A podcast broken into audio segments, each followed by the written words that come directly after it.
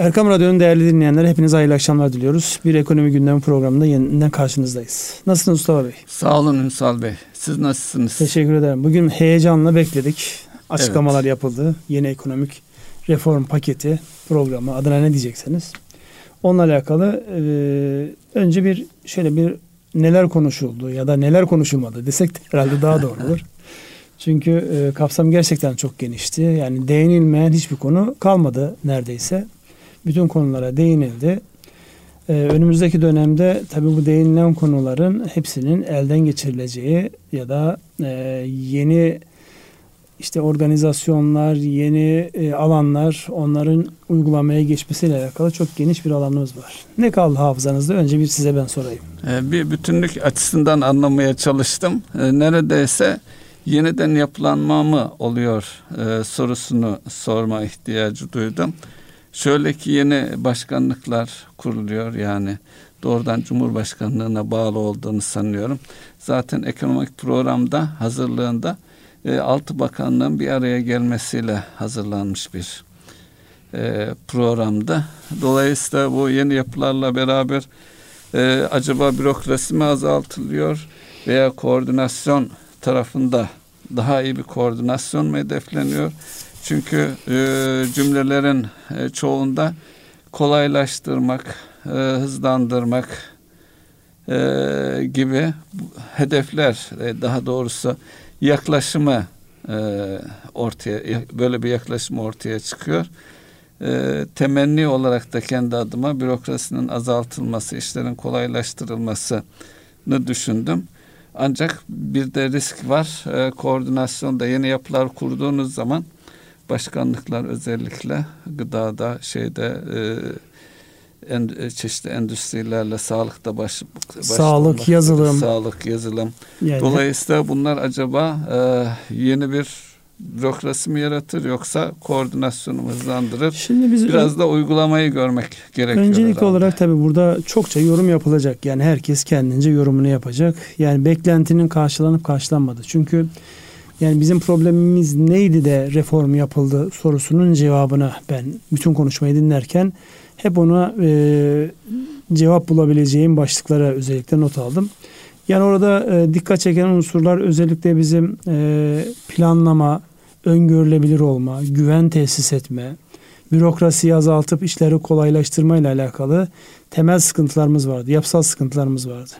Bunlarla alakalı atılmış adımlar var mı? Evet atılmış adımlar yani şey kısmında programda değinilme anlamında var. Ama sizin söylemiş olduğunuz gibi yani bunların hayata geçirilmesiyle alakalı önümüzde çok ciddi bir süreç var. Çünkü detayların çalışılması gerekiyor. Yani ortada şu an e, yapısal anlamda problem teşkil edecek her başlığa değinildi.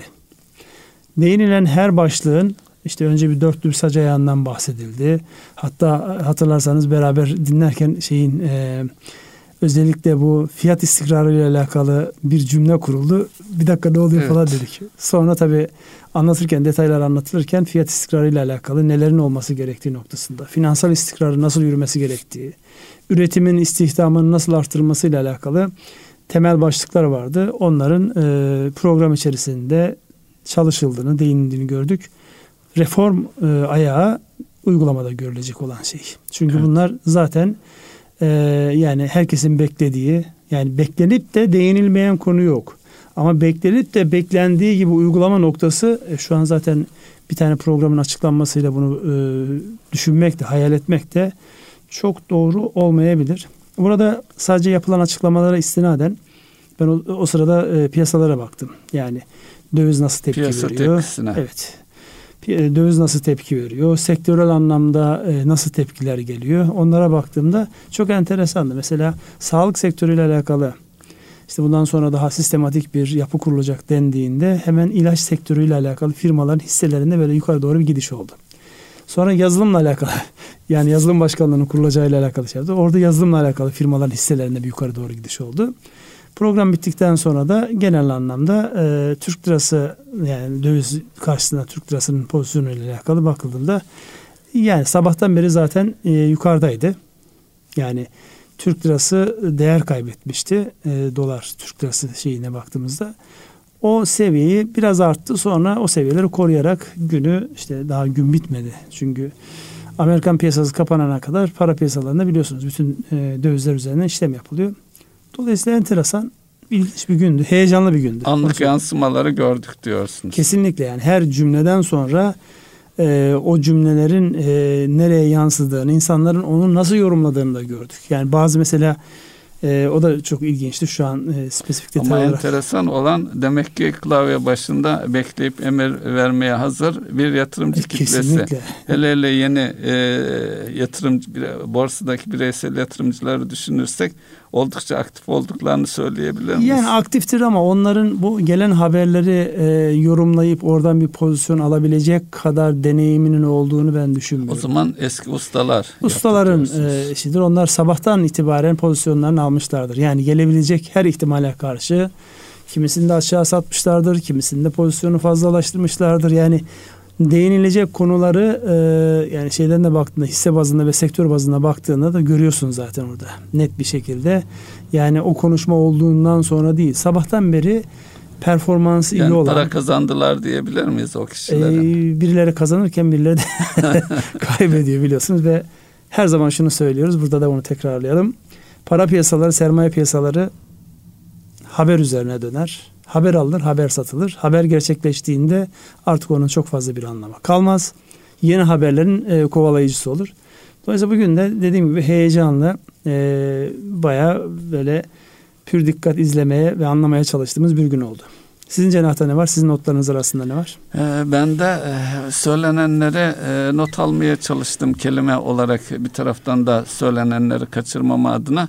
Gerçekten çok fazla şey söylendi. Yatırım, üretim, istihdam ve ihracat dört bacak üzerine. Dolayısıyla önümüzdeki dönemde üretimin artacağı, e, üretime yönelik yatırımların teşvik edileceğini anlıyoruz. Çünkü daha önceki e, ekonomimizle ilgili özellikle eleştirilerde işte e, elde ettiğimiz kaynakları e, işte taşa toprağa gömmek gibi eleştiriler çok sık e, gündeme getirilirdi. Ama bu e, konuşmada özellikle e, her kademedeki yani e, alt sektörlere de e, inerek işte ilaç, e, yazılım, e, tarım yani değinmediği e, Cumhurbaşkanımızın konu kalmadı neredeyse. Dolayısıyla bunların hepsi de e, üretime yönelik e, şeydi, hedeflerde ve değişimde. E, bunlar üzerinden e, konuşabiliriz. Onlar üzerinden Yani konuşabiliriz. aslında her bir konu bir programı kapsayacak Kesinlikle. genişlikte aslında. Yani e, konunun e, şu anki mevcudun ir- irdelenmesi, önerilen ya da e, gündeme alınma biçimi ve olabilecek e, ihtimaller dahilinde evet dediğiniz doğru. Burada herhalde e, geniş kitleleri ilgilendiren bir başlık vardı. O da vergi muafiyeti ile alakalı 850 bin esnafa vergi muafiyetinin getirilmesiyle alakalı bir başlık vardı. O önemli bir husus. Yani orada kimler var? İşte kuaförü, demircisi, e, Manifaturacısı, manifaturacı, tesisatçısı. ocağı, evet. Dolayısıyla yani orada vergi muafiyeti o nasıl uygulanacak? Orada tek havuz sisteminden bahsediliyor. Birden böyle aklıma e, rahmetli Erbakan döneminde uygulanan tek havuza Evet. benzer. Yani kamunun borçlanma ihtiyacıyla likidite fazlasının tek merkezden Hatta o yönetilmesi. günkü siyasi şeylerde Erbakan'ın başına gelenlerin bir nedeni de o olduğu söylenir. Söylenir ama o yani zamanki yüksek enflasyonda bankaların e, bu kaynakları kullandığı yönünde yani o dönemde uygulanması zor olan bir şeydi ama şu dönem Evet. itibariyle baktığınızda tek, tek de yönetiliyor. e, tabii önemli. Bu o, o yılların teknolojisiyle şimdiki farklı hatta şu anki teknoloji tek bir e, uygulamayla birden fazla bankadaki hesabı yönetme şansı var. Evet. E, Tek merkezden yönetilme ile alakalı bir hayli konu vardı. Benim notlarıma baktığımda e, devletin alacaklarının tek elden tahsilat sürecinin sürdürülmesi gibi bir başlık geliyor. Orada e, yani kamu alacağının tahsiliyle alakalı her kurum kendi yöntemini uyguluyordu. O da mesela çok enteresan yeni bir uygulama.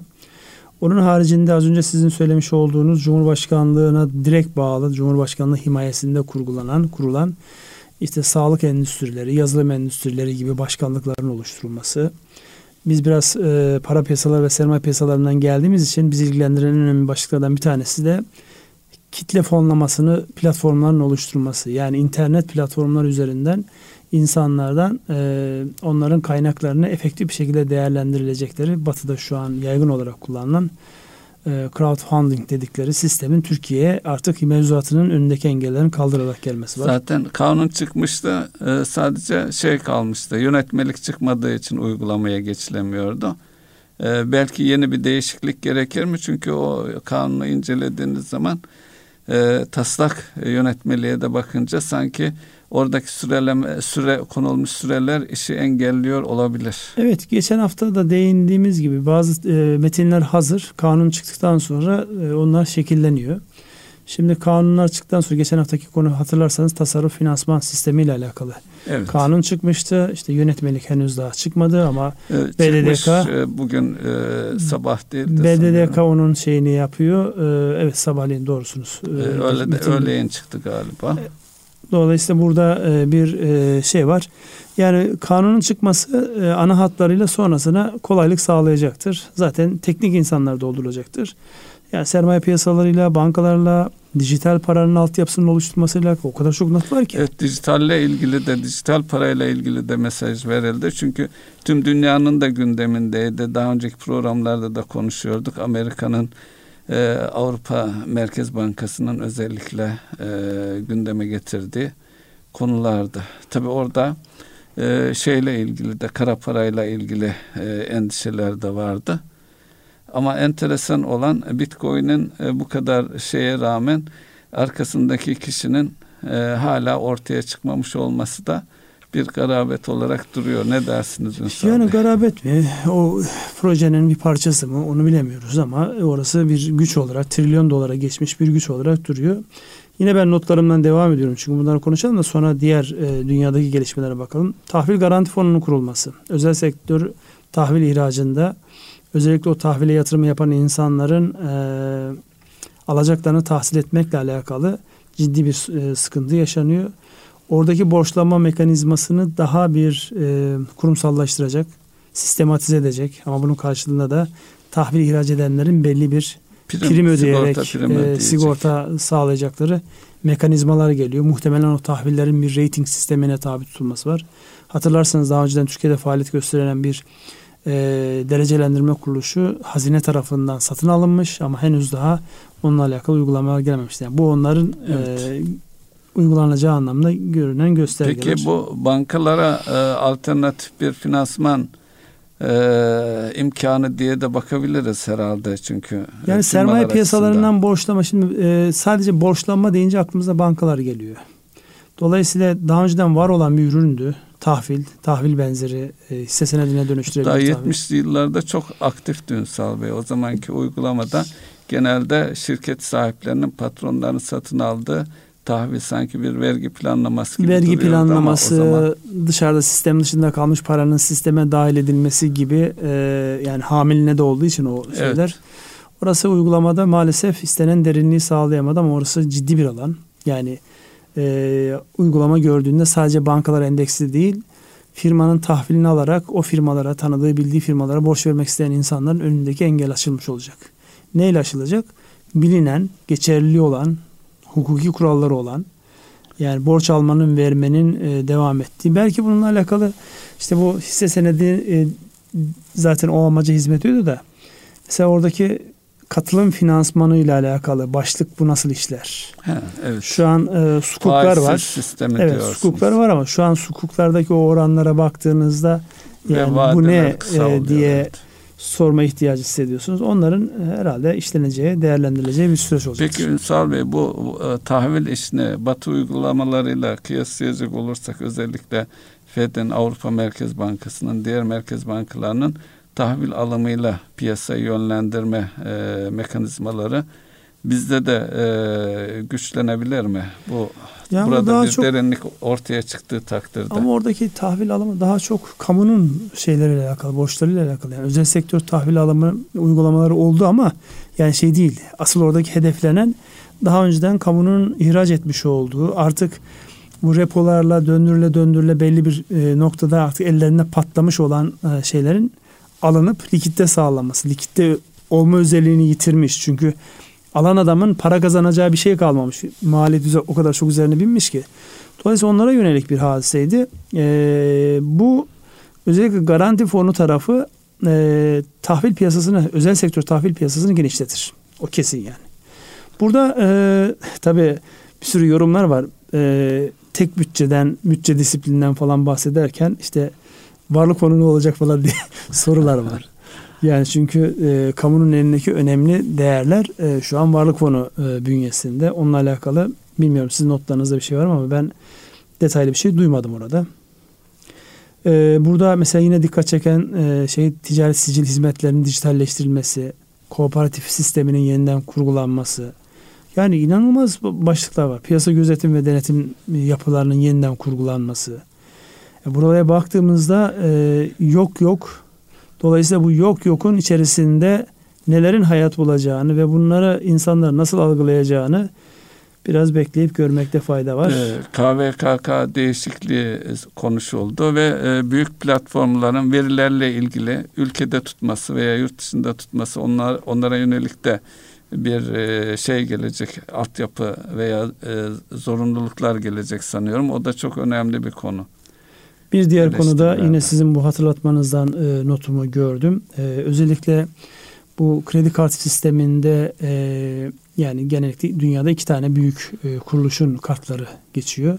Türkiye'de de kurulmuş bir yapı vardı. O yapının Troy adı Troy olan yapının bağımsız bir e, yapıya dönüştürülmesi, şirkete dönüştürülmesi ve e, açılımını da söyleyelim isterseniz. Buyurun, TR Türkiye ödeme yöntemi. Ödeme Troy yöntemi. oradan evet. geliyor. Hem e, Çanakkale'deki Troy'u çağrıştırması hem evet. de e, ikisi bir arada yani tarihi bir mistik şey anlamda tarihi Türkiye'yi hatırlatan bir şey var. yurt dışında da bir karşılık bulacağı Aynen. için önemli yalnız onu da görmek Doğru. lazım. Doğru. Önemli bir mekanizmaydı. Onun e, özelleştirilmesi ve oranın güçlendirilmesi ve bütün kredi kart sisteminde oranın ön plana çıkarılması konusu mesela not olarak vardı. Dolayısıyla bunlar çok önemli başlıklar. Ee, bunların dediğim gibi önümüzdeki dönemde uygulamasını göreceğiz. Yani piyasa nasıl tepki verdi diye e, bakacak olursak piyasa ılımlı bir tepki verdi. Beklentiyi de ılımlı da nötr de tuttu. E, açıklamalardan sonra e, özellikle hisse senedi piyasasında biraz hafiften yukarıya doğru kıpırdamalar oldu. Dövizde hafiften geriye çekilme oldu. Ama özüne baktığımızda yani sanki bu daha önceden satın alınmış bir bilgi olarak insanlar 3 aşağı 5 yukarı bunları tahmin etmişti. Ona göre pozisyonlanmış gibi bir görüntü vardı desek herhalde e, yanlış bir şey söylemiş olmayız. Ee, Ünsal Bey şimdi e, o kadar çok şey var ki e, akla şu geliyor nereden başlanacak? Nasıl bir öncelik e, takvimi var acaba? Valla başta da nereden başlarsan başla diyeceğim ben. yani başlanması gerekiyor mu? Evet başlanması gerekiyor. Çünkü buna gerçekten e, piyasaların ihtiyacı var. Yani hepimizin aslında ihtiyacı var. E, yapısal reform deyip hiçbir şey e, yapılmazsa bu sefer insanların o beklentileri e, farklı sıkıntılara sebep oluyor. Dolayısıyla burada iyi bir şey oluştu bence. Evet, bu arada tahvilden devam edecek olursak yeşil tahvil cümlesi kuruldu Ünsal Bey. Yeşil tahvil derken işte karbon emisyonları, çevreye duyarlılık birçok şeyin içerisinde oldu ve bu e, bunların da bir takım hibrit araçların e, üretilmesi gibi ve bu yolla da e, bu konulardaki yatırımların yönetilmesi için özel bir tahvil büyük bir ihtimalle bunun vergisel ve bir takım avantajları da olacaktır. Evet yani e, söyleyince ben de gördüm onu. Özellikle Avrupa Birliği tarafında da bizi evet. zorluyorlar biliyorsunuz. Yani e, yıl başında başlıyor şu anlama geliyor. Eğer onların yeşille ilgili kurallarına, koşullarına uymadığınız takdirde bu sınırda e, yeşil uygulaması e, denebilir. Yani onların sınırını geçecek bir ürünün eğer yet, gerekli sertifikaları yoksa ilave yüzde yirmi beşe e, varan ilk aşamada daha sonra da artan e, 50'ye kadar çıkabilecek e, AB, süre, AB Avrupa Birliği e, devletleri tarafından daha doğrusu Avrupa Birliği tarafından bir vergi konulmuş durumda. E, ve bu da kaçınılmaz olarak bizim firmalarımızı ve ihracatımızı etkileyecek bir husus. Yani şimdiden bir harekete geçilse bile bunlara yönelik ciddi yatırım ihtiyaçları var. Belki bu tahvilde o yatırım ihtiyaçları düşünülerek e, konulmuş olabilir. Şimdi tabii şu an itibariyle baktığımızda e, yine aynı şeyi söyleyeceğim. Detayları çalışılması gereken, detaylar üzerinde sonradan konuşulması gereken bir başlık. Dolayısıyla e, ne hissedildi? Bir beklenti karşılandı. E, piyasanın ne olacak diye sormuş olduğu şeylerin değinilmeyen konu kalmadığı için bu anlamda ben olumlu görüyorum. Ama asıl olumlu olup olmadığını, piyasanın bunu e, pozitif algılayıp algılamadığını önümüzdeki günlerde daha net göreceğiz. E, araya hafta sonunun girmiş olması da ciddi bir avantaj. Düşünme fırsatı. Hazmetme anlamında, düşünme anlamında neler olabileceği konusunda insanların birbirleriyle istişare edecekleri çok e, e, hareketli iki gün var önümüzde. Pazartesine kadar insanlar burada ne demek istedi, bu neyi getiriyor, hangi fırsat var, hangi tehdit var diye insanlar bunları değerlendireceklerdir. Ee, Ünsal Bey biz eski bankacı olduğumuz için belki de üstünde durmamızda e, dursak iyi olur. Bankacılıkla ilgili e, firmaların rehabilitasyonuna yönelik adımlar atılacağı gibi evet. bir başlık var. Acaba bu e, işte bir takım e, kötü kredilerin belli bir bankada toplanması yani buna özel banka kurulması gibi daha önce çok tartışıldı ama herhangi bir adım atılmadı. E, o yönde bir adım atılabilir mi acaba? Ya ben de cümleden onu bekledim açıkçası. arkasında? Cümleden onu bekledim ama arkadan kurulan cümleler e, öyle kötü kredilerin devredileceği bankadan ziyade e, varlık yönetim şirketleri yani bankaların bu kötü alacaklarını devralan şirketlerin uygulamalarındaki e, bazı aksaklıkları ortadan kaldırarak o mekanizmayı hızlandıracaklar diye bir e, başlık var. Fakat buradan e, yeri gelmişken onu da söylemekte e, sakınca yok. Yani o şirketlerin e, varlıkları daha doğrusu alacakları devraldıktan sonra borçlu olan ya da borçluyla ilintili olan insanlara yapmış oldukları muamelenin bir gözden geçirilmesi gerekiyor. Dolayısıyla yani e, adı sizinkine benzeyen ya da soyadı sizinkine benzeyen birisinin e, size telefonunuzu ilişkilendirdikleri zaman böyle rahatsız edecek şekilde bir taciz mekanizması var. Rahatsızlık veren bir boyutu var. Dolayısıyla oradan e, bir ıslah edilmesi gerekiyor. Yani olay sadece damga vergisi vesaire hadisesi değil. Yönetilmesi gereken orada bir psikoloji var. O psikolojiyi de yönetme konusunda inşallah düzenleme yapanlar e, bu konudan rahatsız olan insanların da haklarını arayabilecekleri, rahatsızlıklarını telafi edebilecekleri mekanizmalar kurarlar. Şu anki mekanizmaların çok öyle derde e, şifa olduğunu ben düşünmüyorum açıkçası. Ee, biraz da aklıma şey geldi. Esas alacaklı finans kuruluşunun itibarı zedelenmesin diye e, varlık şirketi üzerine devredip oradan takip etmek gibi bir sonuçta çıkıyor ortaya aslında. Ya o çıkıyor tabii ama zaten e, bankalar e, artık uğraşmıyorlar. Tahsil edemeyeceklerini düşünüyorlar. Şimdi devralanın onu tahsil etme noktasındaki metodolojisi ne olacak sorusunu bakmak lazım. Bir ihtisaslaşma diyebiliriz. Ama onun haricinde işte kötü çağrışımları yapacak şeylerin olmuyor olması icap eder.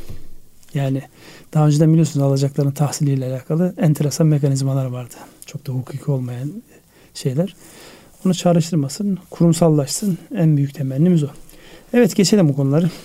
Peki. Şimdi geçtiğimiz hafta neydi daha doğrusu bu hafta neyse böyle cumanın akşamı olunca geçtiğimiz hafta gibi oluyor. Bu hafta en önemli konulardan bir tanesi Amerika'daki teşvik paketinin e, önce e, meclislerinden geçmesi, senatodan geçmesi arkasından da başkan tarafından onaylanması konusu önemli bir husustu. Onaylandı mı? Evet onaylandı. Dolayısıyla o onay geldiğine göre şimdi dünyaya yeniden bir e, teşvik paketi çerçevesinde buradaki rakam ne? 1.9 trilyon dolar. Ama bugüne kadar yapılan bütün paketleri topladığımızda 5.5 trilyon dolar gibi bir e, destek ve teşvik paketi açıklandı Amerika tarafından. Buna karşılık Avrupa e, ne yaptı? Avrupa e, enflasyonla alakalı beklentileri düşünerek e, programa devam edeceğinin açıklamasını yaptı. Enflasyonun biraz kıpırdamasını istiyorlar ama çok kıpırdaması da işlerine gelmiyor. Aynı şey Amerika için de geçerliydi. Amerikan 10 yıllıklarında 1.6'nın üzerine çıkınca e, faiz oranı bir paniklediler enflasyon patlaması mı olacak diye. Son gelişmelerde hem yapılan ihale hem de e, sonraki gelişmeler öyle bir patlamanın olmadığını olamayacağını gösterdi. Şu an herkes süt liman. Onun içindir ki e, dün mesela çok e, birçok piyasa sadece uzak doğuda Hong Kong haricinde birçok piyasa böyle yeşillere büründü. E, Türkiye'de tabii iç gündemimiz bu reform şeyiydi. Çok böyle yeşillere bürünmedi. Sona doğru e, biraz yeşillenmeler olmuştur bizde de. Buyurunuz. E, evet, e, bu paket e, gerçekten Amerika için önemli görünüyor. Bu hafta da ödemelerin başlayacağı söyleniyor. Tabii bunun yansımaları bu arada Almanya'da da enflasyon 1.3 gibi bir rakama çıkmış. Orada da enflasyon yönünde endişe duyulmayacak seviyede bir artışın olduğu yönünde.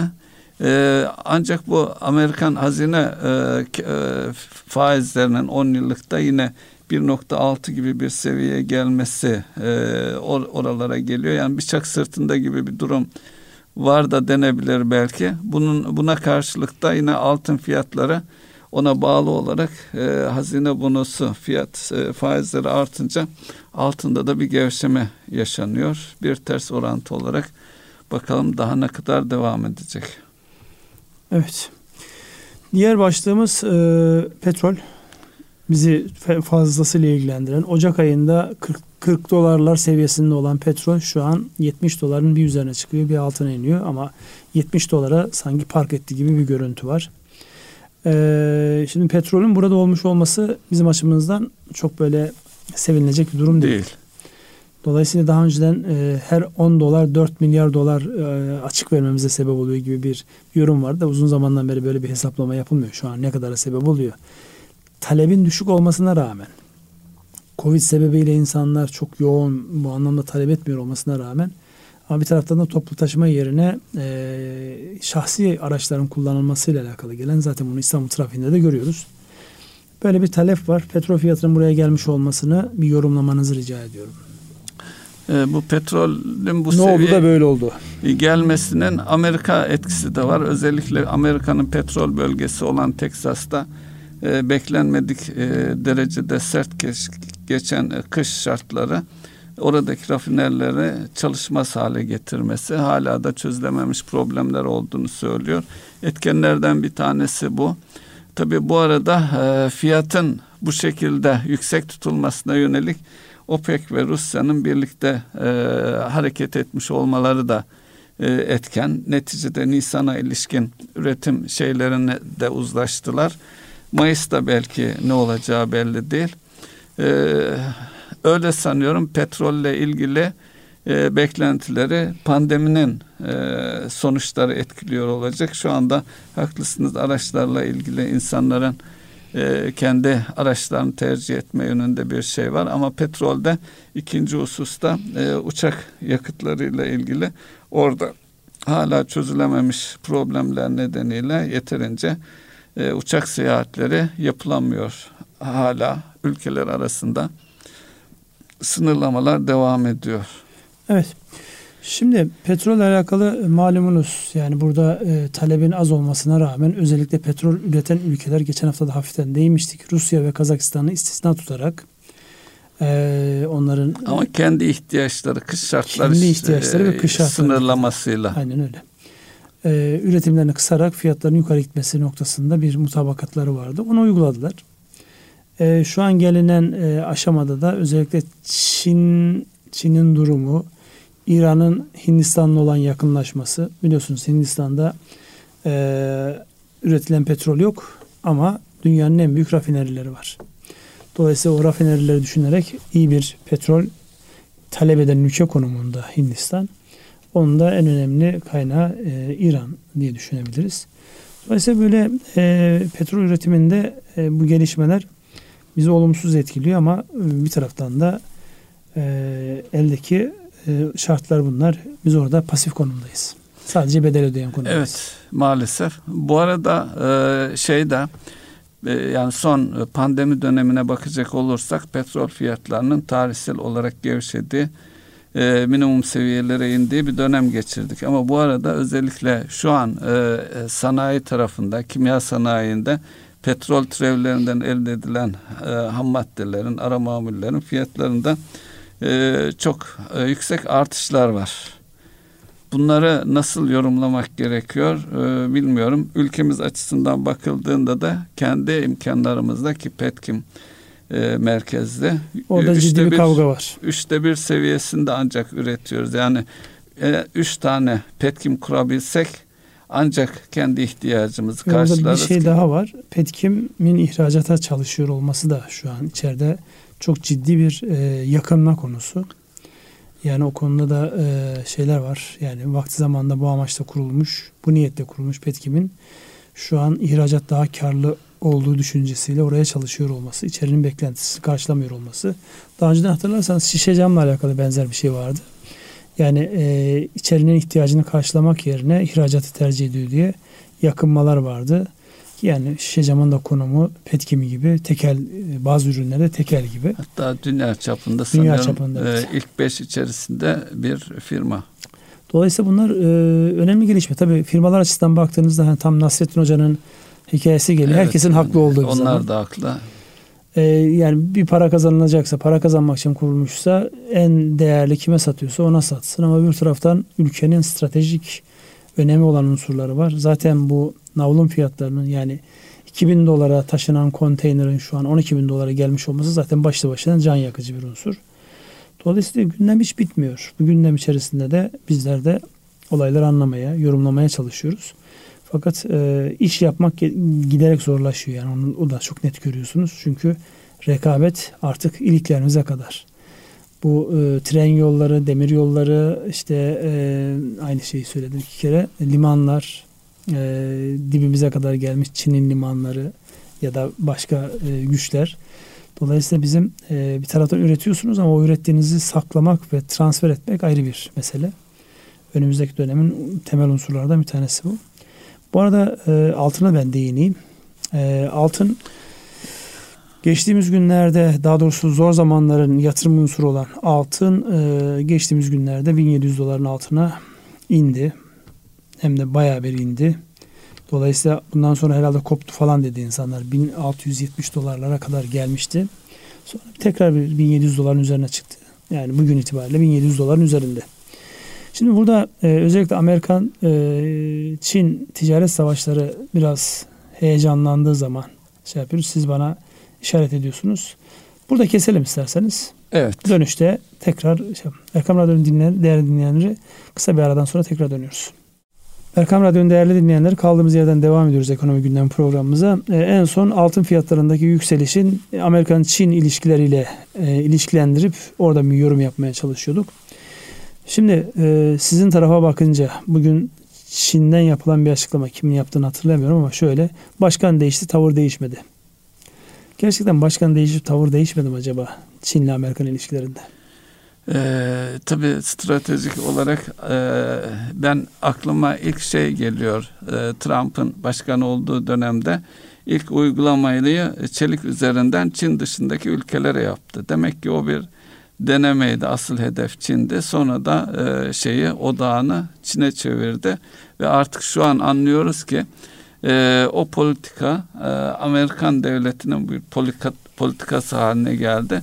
Bundan sonraki süreçte yani hegemonik bir güç e, haline gelmeye çalışan Çin'in ki öngörülerde Çin'in e, kendi öngörüsü e, 2025 yılında e, dünyadaki genel öngörü ise 10 yıl içerisinde 2030'a kadar Çin'in dünyada bir numaralı ekonomi olacağı ve bunun da bu gücünün sadece ekonomi değil e, her yere hegemonya olarak yansıyacağı yönünde bir beklenti var. Şimdi de Amerika mevcudu korumak için ne, ne yapabileceğini e, ve ortaklarıyla özellikle Avrupa Birliği başta olmak üzere yeni başkanın orada bir anlayış değişikliği var. Çünkü Trump e, önce Amerika diyordu, Avrupa'ya kendi başınızın çaresine bakın diyordu. Ama e, yeni başkan e, eskiye döndü daha doğrusu. Daha önceki politikalarına e, Avrupa ile birlikte hareket etme yönünde e, bir stratejileri var. Bu askeri tarafta da ekonomik tarafta da kendini hissediyor, hissettiriyor. Tabii pandemi sonrasında da yeni bir e, yani global dünyadan e, bölgeselliğe doğru bir gelişme olduğu yönünde değerlendirmeler var. Hatta bunun bize bir fırsat doğurduğu da söz konusu. E, nasıl bakacağız bunlara? Şimdi nasıl bakacağız? Önce e, başkanın e, Türkiye'ye olan bakış açısını biraz daha net görmemiz lazım. Orada sıkıntımız var sanıyorum e, şu an. Amerikan kadar. medyasına göre evet sıkıntımız var. Başkan evet. e, Türkiye'de olanları e, çok böyle yakından ya da pozitif bir şeyle izlemiyor gibi. Da bunlar sızdırma haberler de olabilir. Yani zihni hazırlayıp yani bir an önce bizim e, hizaya gelin e, ifadesi de olabilir. Şey olabilir Gerçek mi? Olabilir. İlk adımı kim atacak? İlk adımı atan bir şey verecektir. Ya yaklaşımıyla. Ilk, ilk adımı biz attık şimdi yani burada daha kim atacak diye soru Şeyi kastettim yani e, biz mi onları arayacağız? Başkan bizim Cumhurbaşkanımızı mı arayacak? Ya o da belirleyicidir herhalde. Sürekli mesaj e, gönderiliyor karşılıklı yani doğrudan ya da dolaylı. Ama şu ana kadar o yakınlaşma e, ya da yakınlaşmayı çağrıştıracak ya da pazarlığı belli bir e, şekli getirecek bir e, açıklama olmadı. Bekliyoruz. Ama öbür taraftan İsrail ve Mısır yani Türkiye ile bile görüşürüz diye açıklama yapıyor. Arkasından Suudi Arabistan ve Birleşik Arap Emirlikleri. Ee, tamam da arkasından da şöyle bir şey geliyor. Ee, Suudi Arabistan hiçbir alakası olmayan yani ne komşusu ne bir Yunanistan'la ortak tatbikat yapıyor. Şimdi baktığınızda ya ne oluyor diye. Aslında güldüğünüzde tam bir komedi. komedi. Suudi Arabistan açısından komedi. Ee, Yunanistan açısından da bak biz her yere ulaşırız. Yok yani e, şimdi Yunanistan açısından baktığında işte o eski yani sanki kendileri eski Yunan'ın devamıymış rolünü oynamaya çalışıyor ama yok öyle bir şey tabii ki. Şu an e, iyi bir e, kullanılmaya elverişli bir yapı orası. E, ama güç göstermek noktasında tam dediğiniz nokta Suudi Arabistan'ın şu an yapmış olduğu tam bir komedi yani. Dibinde Yemen'de atılan e, şeyleri engelleyemiyorsun. Rafinerilerin e, sıkıntıya giriyor. Evet. Petrol üretemiyorsun. Ödün patlıyor ama öbür taraftan kalkıyorsun.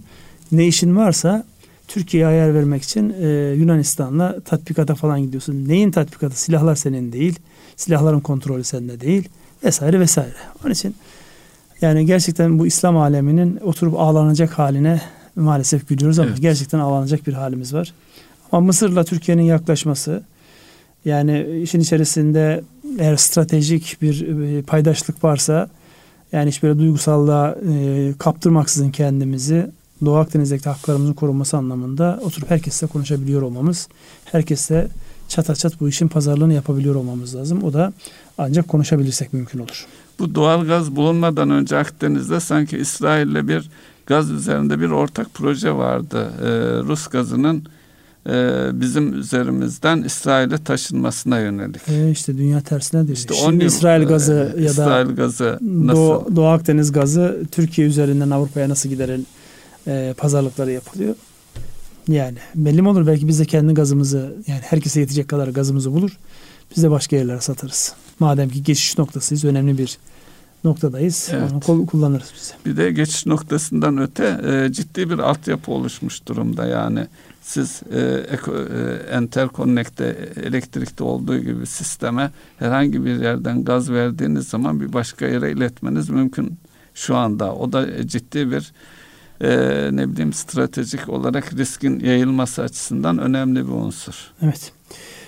Bu arada e, sizin istatistikleriniz vardır. Vakti de iyi kullanmak açısından. E, en önemli istatistik işsizlikle alakalı olanıydı. İstihdam verileri nasıl geldi? Nasıl yorumluyorsunuz? Ben ee, sormuş olayım size. Tabii işsizlik 12,2 e, ancak e, halen devam eden işte kısa çalışma ödeneği işten çıkarma yasa bunlarla birlikte baktığımız zaman bu işsizliği tam net olarak değerlendirmek mümkün değil. Burada belki istihdam oranına da bakmak gerekiyor. Orada da 43,8'lik bir istihdam işte oranı. çok şey söylüyor.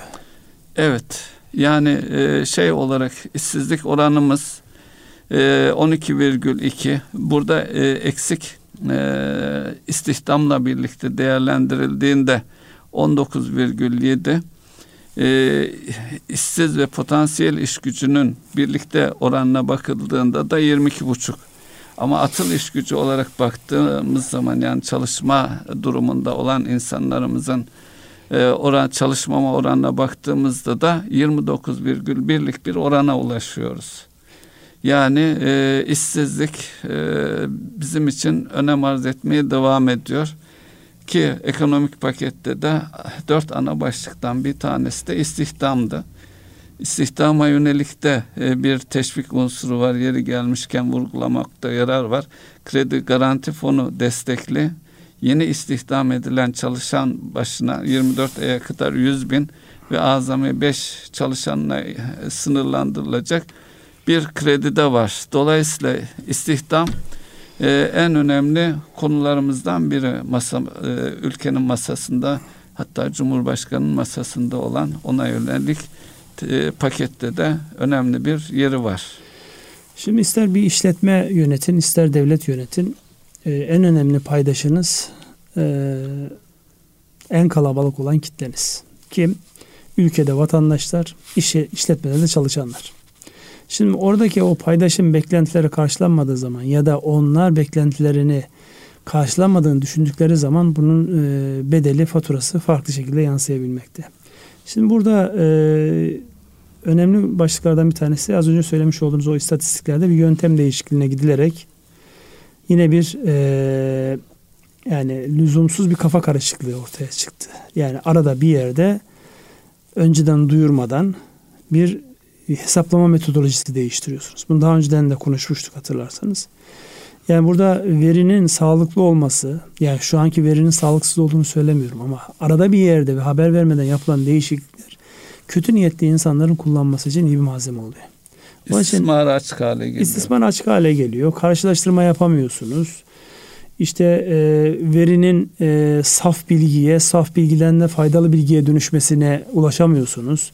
Çünkü elinizdeki o datanın ne olduğu konusunda yani her kafadan bir ses çıkabiliyor. Onun için öncelikli olarak bu yöntem değişiklikleriyle alakalı inşallah bundan sonra e, bu olay biraz daha netleşir. TÜİK Başkanı değişti biliyorsunuz yeni dönemde e, bürokraside önemli değişiklikler oldu. Ne oldu? Borsa Başkanı e, ayrıldı. E, arkasından Varlık Fonu'nun başındaki kişi ayrıldı, istifa etti. Onun yerine Türk Hava Yolları'ndan daha önceden e, Cumhurbaşkanlığı Finans Ofisi'nde bulunan e, kişi atandı. Dolayısıyla böyle bir harmanlama var yani yeni yönetim, ekonomi yönetimi kendi çalışabileceği insanları getirme noktasında belli adımları var. Ama burada hatırlatmamız gereken en temel unsurlardan bir tanesi yani e, yeni yönetimle beraber ne söylemiştik ve ne söylüyor piyasalar? Öngörülebilir olmak öngörülebilirliği engellemeyecek, metot değişikliklerini öncesinden zihinlere hazırlayacak uygulamalara ihtiyaç var. Bunu da biz dostane bir not olarak düşmüş olalım buraya. Çünkü bir kere ürettiğiniz veriden insanlar söylediğinizden e, şüphelenmeye başladığında onu düzeltmek o veriyi kullanmaktan daha fazla bedel ödetir size diyorum. Siz ne diyorsunuz? E, haklısınız Ünsal Bey. Özellikle öngörülebilirlik zaten istikrar e, e, Cumhurbaşkanı'nın e, ifade ettiği istihsalden başlayarak e, istiklal istikbal dedi. Sonra da istikrar cümlesinde kurdu peşi sıra. Dolayısıyla istikrar önem arz eden bir husus. Sanayi üretim endeksi açıklandı Ünsal Bey. 11,4 e, olarak yıllık sanayi üretim endeksi. Burada e, sektörler bazına baktığımız zaman Orta ve yüksek teknolojide 20,9'luk e, yıllık olanları söylüyorum. E, yüksek olanlardan başlayarak. Yine dayanıklı tüketim mallarında 20,5. E, madencilik ve orta düşük teknolojilerde de 15 seviyesinde. Ama her zaman dikkatle baktığımız yüksek teknolojide ise 3,6'lık bir e, büyüme var. E, tabii bu açıklama e, sanayi üretiminin e, neticede iyiye gittiğini söyleyebiliriz. Zaten ekonomik pakette üretim üzerine oturduğu için e, sevindirici bir durum. E, yine bunu e, destekleyecek bir başka istatistikle bakacak olursak ciro endeksi o da yüzde otuz seviyelerinde artmış durumda. Alt başlıklara baktığımız zaman da madencilik 42,4, e, imalatta 40,5 seviyelerinde bir artışı var. Ticarette yüzde 33, e, mesleki ve bilimsel teknik tarafta 36. E, tabii eksi olanlar da var maalesef e, şey olarak özellikle Ocak ayına baktığımız zaman konaklama ve yiyecekte yüzde 30,4'lük bir e, gerileme var. E, nasıl yorumlarsınız Ünsal Bey sanayi üretimiyle, Şimdi ciro sanayi yansımalarıyla üretimi, birlikte? E, şimdi bunun zaten sanayinin pozitif ayrıştığını başka yerlerde de görebiliyoruz. Nerede görüyoruz? Özellikle e, ülkedeki en organize kurumlar hangileri diye baktığınızda rakamsal büyüklük itibariyle bankacılık sistemi. Sonra işte GSM ya da telekomünikasyon sistemi diye gelir. Öbür taraftan da işte sanayi tarafı var. Ee, Türkiye'de özellikle hizmet sektörü ya ister telekomünikasyon olsun ister bankacılık sistemi olsun o karşılık gördüğü değerleri bir türlü ulaşamıyor. Ama onun ötesinde sanayi üretimi ile alakalı hem şirket değerlemeleri hem onların göstermiş oldukları performans, ortaya koymuş oldukları e, karlılıklar baktığımızda e, bütün olumsuzluklara rağmen bu pandemi sürecinde çok iyi sonuçların olduğunu en azından halka açık olan şirketlerin bilançolarında görebiliyoruz. Dolayısıyla burası önemli bir e, nokta. Fakat buradaki olumsuzluğumuz ne? Son dönemdeki bu ham madde tedarikinde yani gıdadan sanayiye bütün alanlarda ham madde tedariki ile alakalı zorlukların ortaya çıkması buradaki yakalamış olduğumuz e, performansın önünde inşallah engel olmaz. Yani bunu bir şekilde aşmamız lazım. Az önce kısmen değindiniz işte petrokimya ürünlerinde çok önemli bir yeri olan Türkiye'nin ham madde ihtiyacını karşılama noktasında 5 tane petkime ihtiyacımız var. Aksi takdirde endeksli oluyorsunuz. Neye endeksli oluyorsunuz? İşte e, Teksas'taki kar yağdığı için üretim yapmayan bir şekilde sizin ham madde tedarikinde kullandığınız firmadan tedarik yapmadığınız zaman burada başka alanlarınız sıkışıp kalıyor. Çok küçük, önemsiz ama olmadığı zaman bütün yapıyı anlamsız hale getiren parçaların üretimi de buna dahil. Dolayısıyla bu entegre üretim e, mantığını bir şekilde bizim e, net ortaya koymamız ve buradaki sahip olduğumuz potansiyeli daha da üst seviyeye taşımamız icap eder. Olumsuzluklar, evet olumsuzluklar var. Özellikle ham maddenin tedariki ve finansman şartlarıyla alakalı. Onlar da bir şekilde aşılacaktır diye pozitif e, düşünmekten başka bir şey gelmiyor aklıma. Perakende, perakende ticaretle ilgili de e, endeksler açıklandı Ünsal Bey. E, yıllık e, satış hacmi yüzde iki. Bu arada enteresan olan konuya değinmekte yarar var. E, yıllık olarak posta ve internet üzerinden satışlarda yüzde yüz yirmi dokuzluk bir artış var. Hatta aylık artışa baktığımızda da 8.1'lik bir artış var. Dolayısıyla perakende tarafta sanki alışkanlıkların değiştiği gibi bir e, şey e, var. Ee, yine aklıma bunu söylerken esnafa yönelik vergi desteği geldi. Orada da yani esnafın ağırlık bölümü perakende tarafta olduğunu düşünürsek e, bu değişimi nasıl yorumlamamız gerekir? Ya alışkanlık değişikliğini kendimizden görebiliriz. Daha önceden hiçbir şekilde bizim kuşak dahil olmak üzere yani bizden sonraki özellikle şu anki Z kuşağı ve onun bir öncesi bunlar zaten internetle doğdular. Yani her şeyi oradan tanıdılar. Bizim kuşağın dahi çok rahatlıkla internet üzerinden ki eskiden buna yönelik bir direnç vardı. İşlem yapıyor olması, olur hale gelmesi aslında çok önemli bir gösterge. Yani şu an konu ne olursa olsun e, herkes önce bir internetten arıyor. Sanayiciler bile aradıkları ham maddeleri ya da bilmem ne önce bir giriyor. Çin'den, Hindistan'dan, Türkiye'nin muhtelif yerlerinden olabilecek bütün platformlarda arıyor. Dolayısıyla bu e, artık oradan aranır mı böyle şey olur mu sorusunu gündemden kaldırdı. Böyle şey olur. Sonra o platformdan alışveriş etmenin e, getirebileceği olumsuzluklar işte acaba kart güvenli girdim mi internetim güvenli miydi birilerinin eline geçti mi şeklindeki süreci de bankacılık sistemi onu bir şekilde arkada e, yani üç boyutlu sistemlerle bir anlamda küçültmeye çalışıyor, minimize etmeye çalışıyor. Dolayısıyla orası o değişkenliği, alışkanlığın değiştiğini bize çok net gösteriyor. Bundan sonrası ne olacak? Bundan sonrası ben e, tabii ki böyle gidip de alışveriş yapılan yerlerin önemi hiçbir zaman azalmayacaktır. Ama 10 yıl hızlandırdı denilen o dijitalleşme sürecinin alışverişe ve perakendeye fazlasıyla yansıyacağını çok net görüyoruz. Yani bildiğiniz bir ürünü bildiğiniz yerden çok rahatlıkla eğer fiyatı da uygunsa siparişinizi veriyorsunuz ve onu zihninizden siliyorsunuz. Bu kolaylığı insanlar kolay kolay terk etmeyecektir. Tam tersine bunu katlamalı bir şekilde kullanacaklar diye benim e, o alanda e, beklentim de yüksek. Yani elimden imkan olsa bütün dikkatimi de o alana yoğunlaştırırım diye bir girişimci mantığıyla da onu da araya sıkıştırmış olayım. Burada paketle bağlantılı birkaç şey söylemek gerekirse bu pazar yerleri özellikle e, küresel e, firmalar bunlar Türkiye'de de uzantıları var. E, buralarda da özellikle tüketici değil burada e, dükkanı açıp satanlar açısından da bir takım yakınmalar vardı. Cumhurbaşkanımızın açıklamasında bu konuyla ilgili bir düzenleme yapılacağı yönünde bir bilgi var. E, gerçekten o da ihtiyaçtı belli pazar yerlerinden alışveriş ettiğiniz zaman tüketiciler açısından bakılırsa güvendesiniz nispeten. Çünkü bilmediğiniz bir siteden alışveriş yaptığınızda ürün gelir mi gelmez mi gelen ürün ne olur orada bir e, riskler var ama o alanlarda da e, sanki e, daha önce de e, benzer e, büyük zincir marketlerin tedarikçilerine yönelik e, bir e, nasıl diyelim rek, ters reka, rekabet gücü yani güç kullanma şeyi söz konusuydu. Burada da oluşmuş durumda. Evet. Bu arada işaret geliyor. Vaktinizi doldurdunuz diye.